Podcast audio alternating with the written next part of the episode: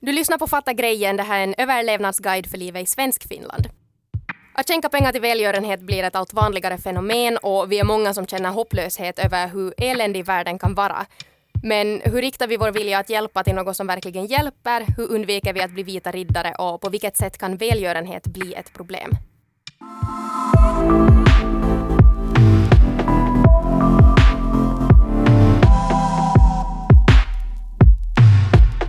Det här att skänka pengar till välgörenhet så blir ju ett allt vanligare fenomen och, och välgörenhet är också en sak som berör de flesta oberoende om man då är, hör till de som har en fullt positiv syn på det eller om man har en skeptisk inställning till Mm. det.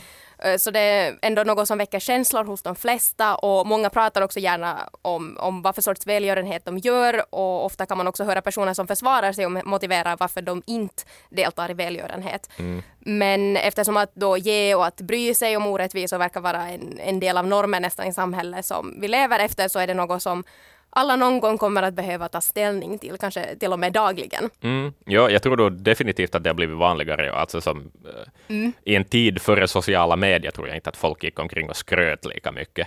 Men, men nu är det liksom, det ska vara en Åtminstone i min egen bubbla så är det ofta så där att man ska vara väldigt medveten och Mm. man ska göra någonting åt problem, inte bara uppmärksamma dem, utan vara så där, vad kan jag göra för att hjälpa? Det finns alltid Ja. den aspekten till. Yes. Det, det påfrestande, tycker Jo, jag. men det är det ju. Eh, och också bara sådana här vardagliga saker, just val man tar har visat sig ha ganska många dilemman. Att till exempel bara det, den här vardagssaken att fara och handla mat.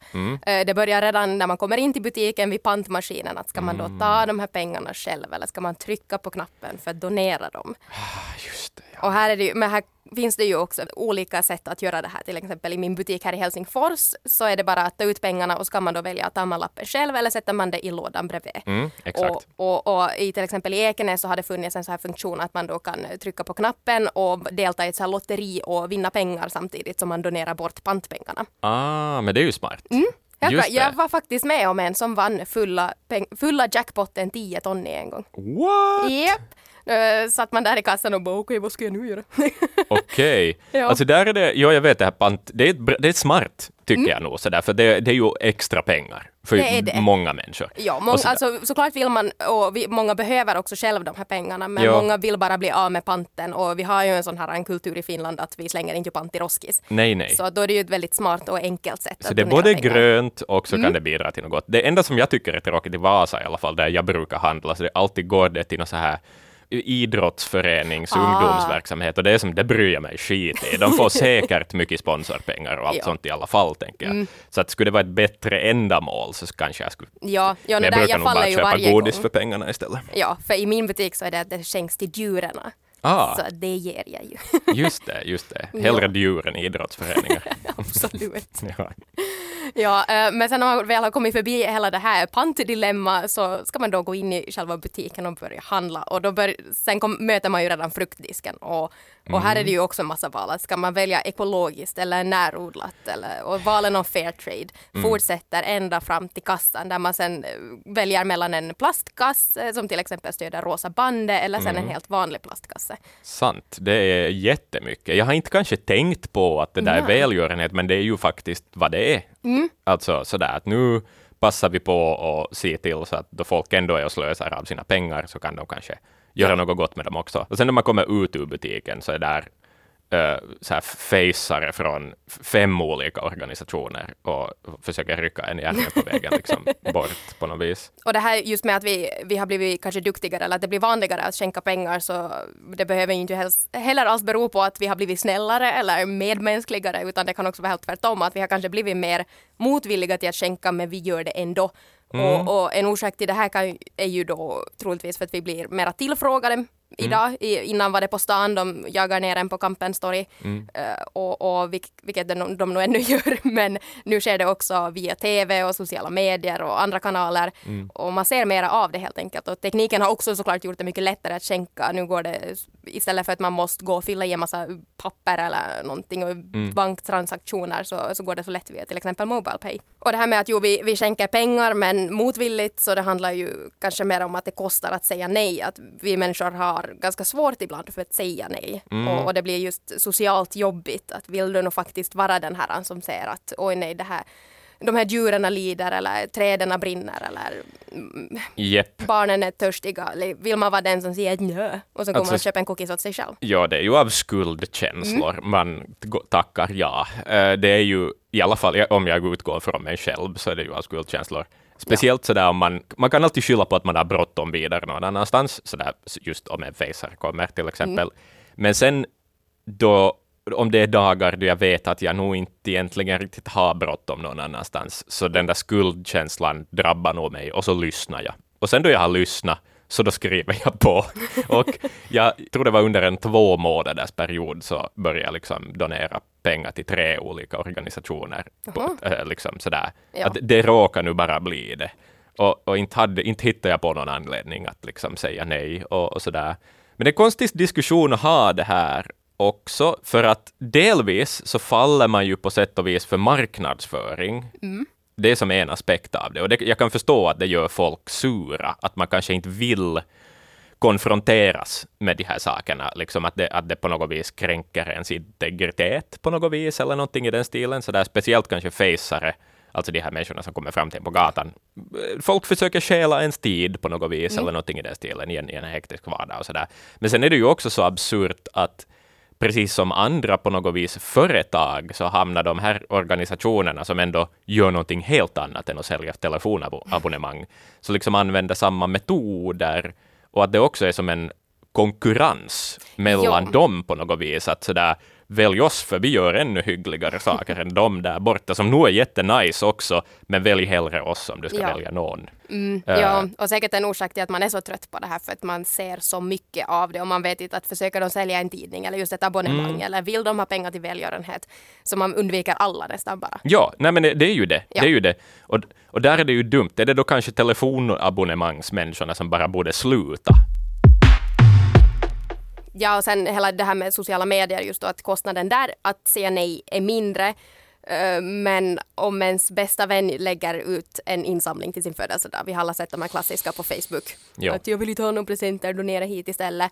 Eh, Och om man då inte donerar så kan det ses lite som en fientlig handling nästan. Så det blir ju också ett dilemma. Jo, jag har redan svårt att komma ihåg och liksom gratta folk på Facebook, eller som sådär, att Ja. jag vet inte, jag, det är så mycket hela tiden så att man glömmer det ibland. Så då, då är jag, i det ljuset så tycker jag det är helt fine och kanske också glömma. Och sen är det ju det också, att åtminstone i min bubbla så är det ofta så där, det blir väldigt specifika målsättningar som folk samlar in pengar för. Att det är inte så där en allmän jotto för hunger Ja. eller någonting, Nej, utan det är sådär Utan det är just den här ena djurarten Precis. någonstans. Ja. Det ska nå rätt målgrupp helt enkelt Ja. då också. För att det säger en del om dig som person också. Mm. Att det är inte bara sådär att jag vill nu passa på att göra, vet du, istället för att köpa presenter åt mig så, så släng nu era pengar till någonting vettigt istället. Mm.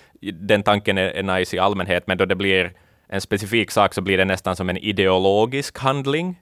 Och det är väl där folk kan falla av Ja, också. För att det precis. kanske inte är rumänska gathundar är kanske inte det jag bryr mig om mest av allt just nu, utan det kanske skulle vara en annan grej. Så att, så att, Mm. Jag vet inte, är det här ett hett tips till och med? Välj mer allmänna Ja. välgörenhetssaker. Ja. Sådär, för att få mig att betala åtminstone. samma sak. Nu ska jag säkert också troligtvis donera till djur överlag Mm. än till att jag vet att okej, men jag tycker mer om katter, varför skulle jag donera till hundar? Men, men det är mycket gatuhundar nu, men Mm, inget tar katternas parti. Och det finns också en generell misstänksamhet om att pengarna man donerar inte kommer fram. Mm. Men eh, hur har välgörenhetsorganisationens verksamhet överlag förändrats också? Ja, no, jag har snackat med några, bland annat en Ossi Heinanen som är nå verksamhetsledare på Plan, tror jag man säger i Finland, Plan. De, de har som fokus ofta eh, flickor i utvecklingsländer och, och så här och ge flickor möjligheter och, och åstadkomma någonting i sina liv eh, där det är svårt. Och han, han, han var ganska trött på den här frågan, uh, verkar det som. Den har ställts så många gånger, tycker han, att sådär, hur stor del av min 20 euro i månaden går nu faktiskt dit den ska behöva Ja. göra. Så att han tycker att man ska fokusera på andra delar av diskussionen. Men som nu ett svar på den frågan i alla fall, så sa han ungefär att det är en 75 25 fördelning ungefär. Att Okej. 25 procent går till administrativt och det går till marknadsföring och Ja. det går till allt det här som behövs. Men, men att 75 procent ändå ska gå till det där vettiga.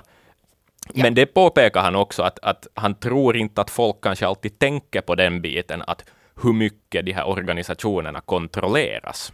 För att de, de liksom svarar till så många. Delvis så samarbetar de med utrikesministeriet. Att utrikesministeriet, uh, som jag förstod det, så mm. liksom bidrar med en del pengar till deras verksamhet. Och genast man har med staten att göra så ska det liksom granskas ekonomin helt jättemycket. Sen lyder de också under en massa EU-grejer.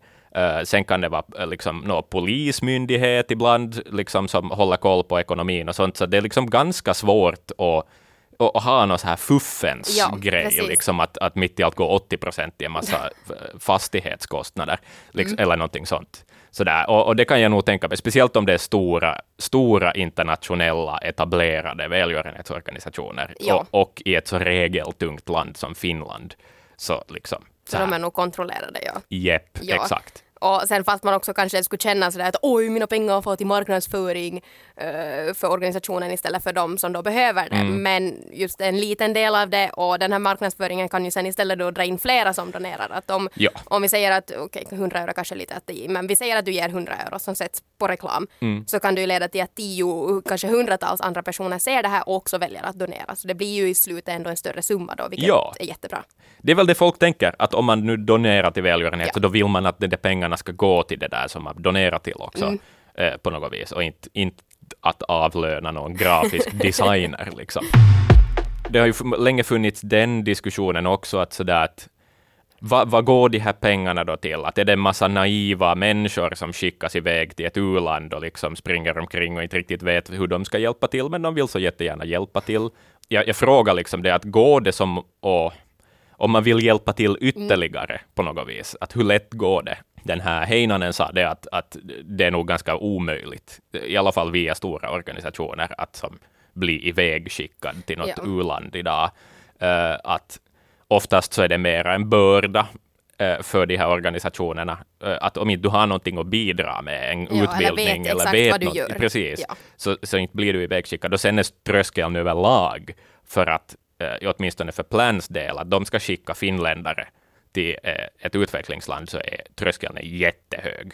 Att det ska på riktigt finnas en anledning till det, mm. för att deras fokus är att ha lokala sakkunniga och jobba med deras projekt, ja. för att det liksom, det, det lönar sig mer. Det lönar sig mer och det, det, det är närmare också, liksom att det blir inte kulturellt weird och en massa mm. sådana saker.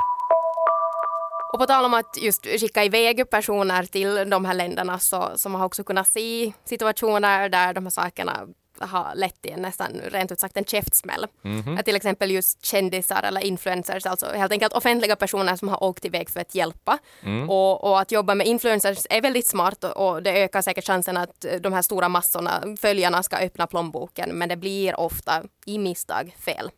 Mm. Uh, Vad tänker du på? Om man ja, om man är en glad kändis som åker till till exempel Ghana för att jobba mm.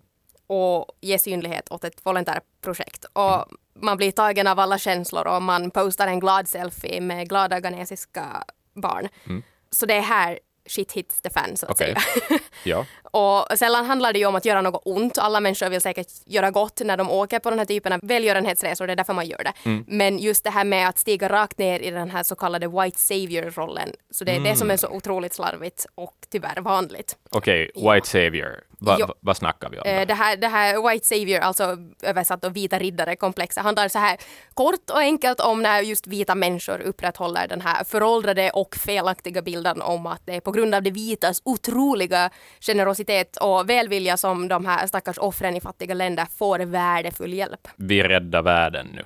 Mm, precis, Sådär. vi vet precis ja. hur det kan se ut. Att just en kändis åker iväg, förfäras och gråter av allt elände. Jag säger ett ord och det är mm. Bono. Mm. Han är ju vita riddaren personified på något ja. vis. Sådär. Och jag är jättetrött på det. Mm. Okej, jag är inte ett fan av U2 heller. Jag är inte nej, 50. Men, okay, men, men det där, den. ja. Uh, nej, man kan alltid kasta skit på Bono. Fortsätt Laura. yes, uh, ja, så man, man, tar in det här eländet då och man tar några selfies med, med de här barnen och man framstår som den goda hjälparen och sen åker man bara hem till sin egen då skyddade värld och fortsätter med sina klädsamarbeten och exklusiva event. Så det Ja, Ja. det är slarvigt. Det är lite slarvigt. Um, Och ja. jag säger ju såklart inte att det, här, det är så här alla gånger. Mm. Men bara det att det eventuellt målar upp just andra kulturer, länder, människor som mindre kapabla att ta hand om sig själva och överlag så stärker det här lite fördomar också om dem och, och det delar ofrivilligt in folk i ett så här vi och dem. alltså om vi diskuterar, om vi snackar till exempel Afrika och Mm. länderna i Afrika, så blir det ju ofta liksom att det enda bildmaterial vi tittar på eh, från den kontinenten är eh, antingen via media, så är det liksom kriser och konflikter och, och, och sånt, och sen via någon sån här insamlingsgalor, till exempel Näsdagen, som, som ju händer nu och som Yle också är involverat i, eh, att, att man ser svältande barn, undernärda människor eh, i söndriga kläder. Och det är liksom, om det är det enda vi ser, så ger det en jättevinklad bild av verkligheten där. Som ju inte, alltså jag menar det finns ju jättemånga eh, afrikanska länder där eh, en medelklassen har vuxit fruktansvärt mycket under de vet du, 20 års tid och, och liksom innovation görs. Det liksom Ja, eh, och man stora här- städer med skyskrapor och grejer. Ja, man liksom har den här bilden av att ingen i Afrika äger en telefon. Nej, precis. Men det är ju liksom så stereotypiskt det bara kan bli. Ja, och faktiskt jag, jag snackade med en på SOS Barnbyar, Mm. heter det på svenska, Lena Poutanen. Eh, så hon, hon hade tittat på, på det där näsdagssändningen då på liksom finska näsdagssändningen förra året. Dit hade Yle skickat då någon kändis liksom, som rapporterade från, från liksom, om svält. Och hon blev, eh, berättade hon den Lena, att hon blev ganska obekväm i soffan av att titta på det, för att det blev liksom en white savior-grej. Då har jag också lärt mig dock att i år så skickar man ingen kändis eh, Ja. för näsdagen faktiskt. Ja. Så att man har nog tagit åt sig av den här Kritiken. kritiken. Ja. Jag menar ju inte att offentliga personer inte ska använda sig av de makter de har. Mm, att de gör ju också, gott. Ja, de gör ju Mm. också mycket bra saker. Att det brukar ordnas så här livesändningar på Youtube för att just samla pengar till välgörenhet och, och allt vad det kan vara. Men, eh, men det kan vara värt att tänka på just hur det lönar sig att hjälpa för att maximera det. Mm. Att de här människorna i, i de här länderna, de är inte dumma. De vet själv vilka lösningar som är bäst på problemen men de, saknas of, de saknar oftast resurserna bara. Ja.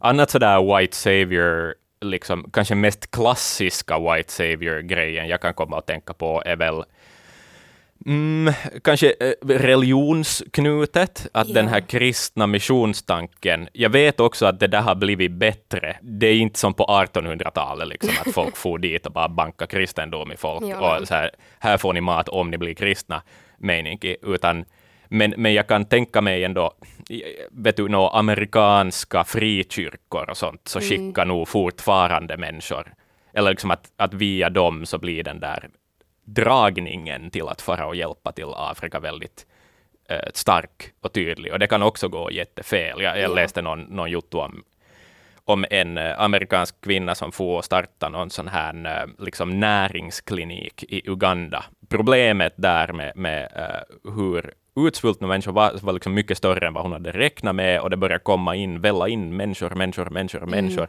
Och då de såg en vit människa i en vit rock i en någon sorts klinisk liksom, miljö, Ja. så fick de uppfattningen av att hon var läkare, vilket hon inte var. Ja. Eh, Det sket sig, alltså hon drogs till rätta och Oho, blev stämd. Eh, blev stämd för att eh, det, det hände att folk, alltså barn hade dött. Det var nu en jätteråddig historia om vem som egentligen hade rätt och fel och det fanns en massa sidor av den där Mm. storyn och sådär. Men, men jag menar, där är ju ett, ett skräckexempel på hur, hur dåligt det kan, gå. Ja. Ja. Och då finns det ännu den aspekten av det att eh, hon blev ju faktiskt dömd, men det finns ändå den där maktaspekten att sen far du tillbaka till ditt, till ditt industriland som vit människa. Mm. Och du kanske aldrig riktigt får liksom konsekvenserna för, för, för det du har åstadkommit. Eller som sådär. Man, kan far fara- dit och ställer till en enda röra och Ja, sen åker man bara hem. Precis, som någon experimentpajka Mm. liksom för sin egen välvilja. Ja. Och som skiter sig för att det inte är genomtänkt. Vi- var ju inne på det där liksom skuldkänslor. Eh, Alltså just som om någon facer har kommit fram till mig och förklarat att här kan du hjälpa till för att folk svälter.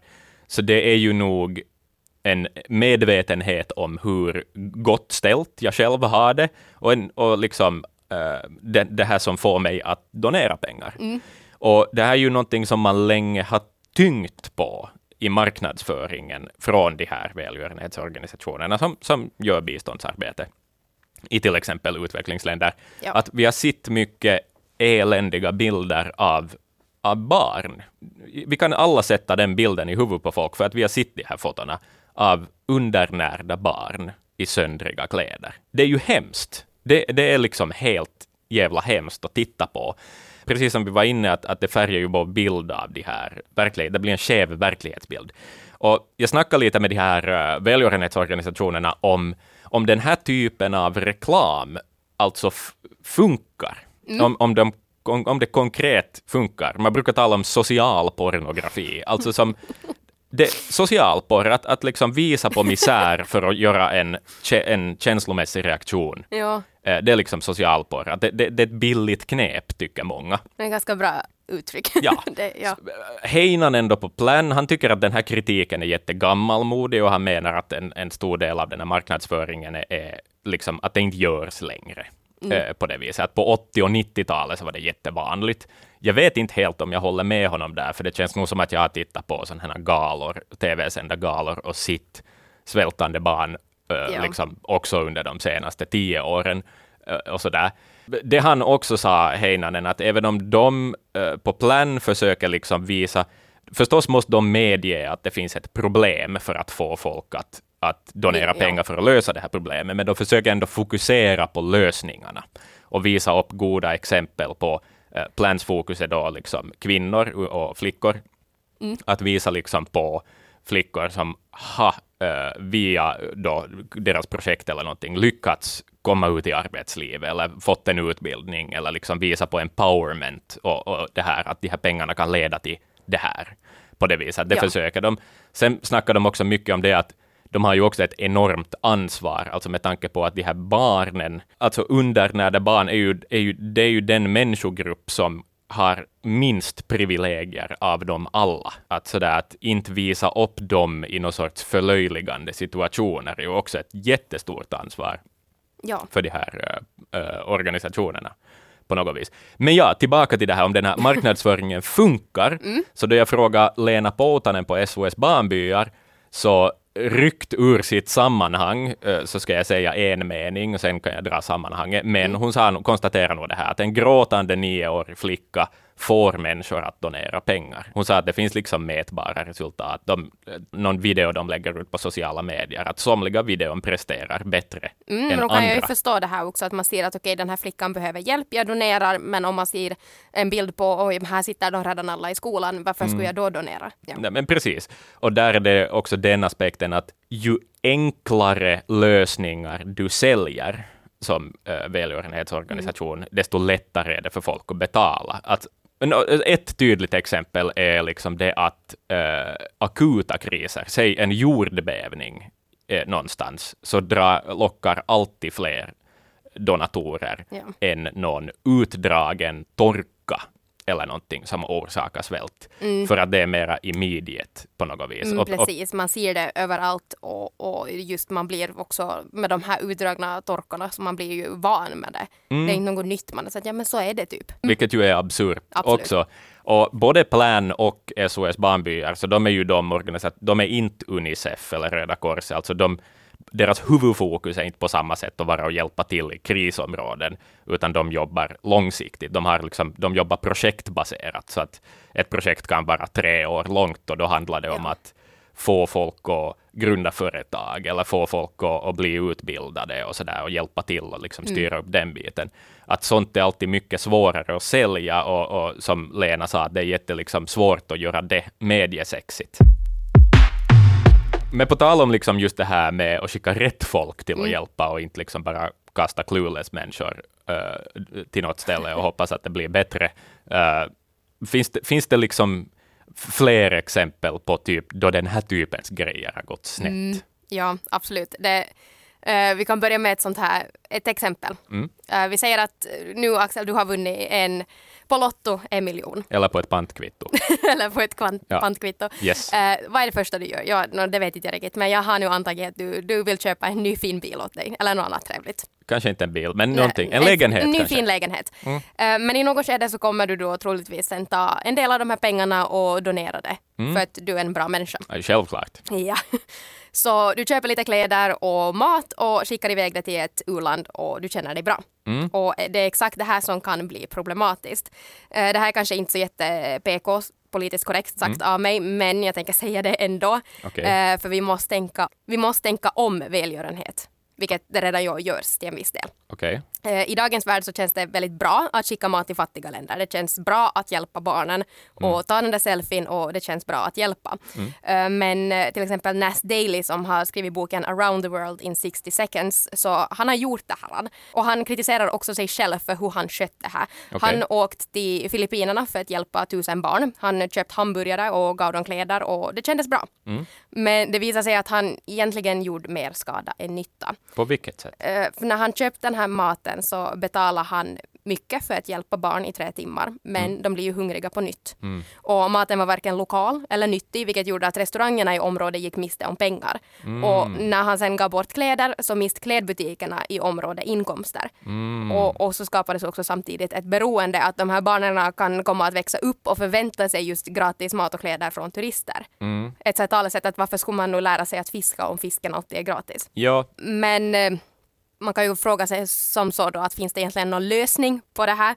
Och då skulle man ju behöva egentligen en lösning på fattigdom och här finns det ju inget enkelt svar. nej. Eh, Men man kan explora om man just tar till exempel Afrika så största problemet där är inte egentligen svälten utan det är det det är att vi faktiskt utnyttjar och utesluter det. Så att om man då vänder om det, vi vänder på pannkakan och om du vill hjälpa så välj välgörenhet som anställer lokalbefolkning eh, för lokalbefolkning och om du vill resa så res i Afrika och stöd lokal turism och om du då vill anställa så anställ från Afrika.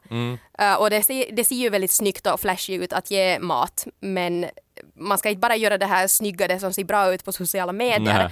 För det som de här platserna egentligen behöver är infrastruktur, de behöver bättre hälsovård, de behöver bättre utbildning och bättre jobbmöjligheter. De behöver inte ris, skor eller billiga massproducerade t-skjortor. Nej. Ja, så såklart är svält och katastrofer undantag på vissa sätt.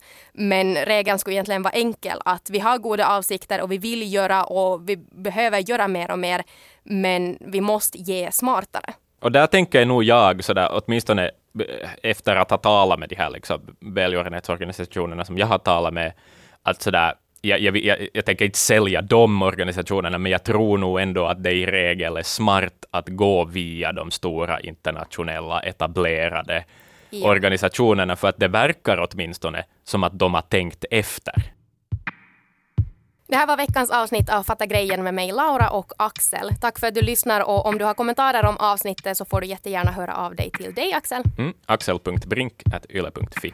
Eller sen till mig på laura.tornros.yle.fi. Du hittar oss också på Instagram under namnet Yle Extrem Nyheter.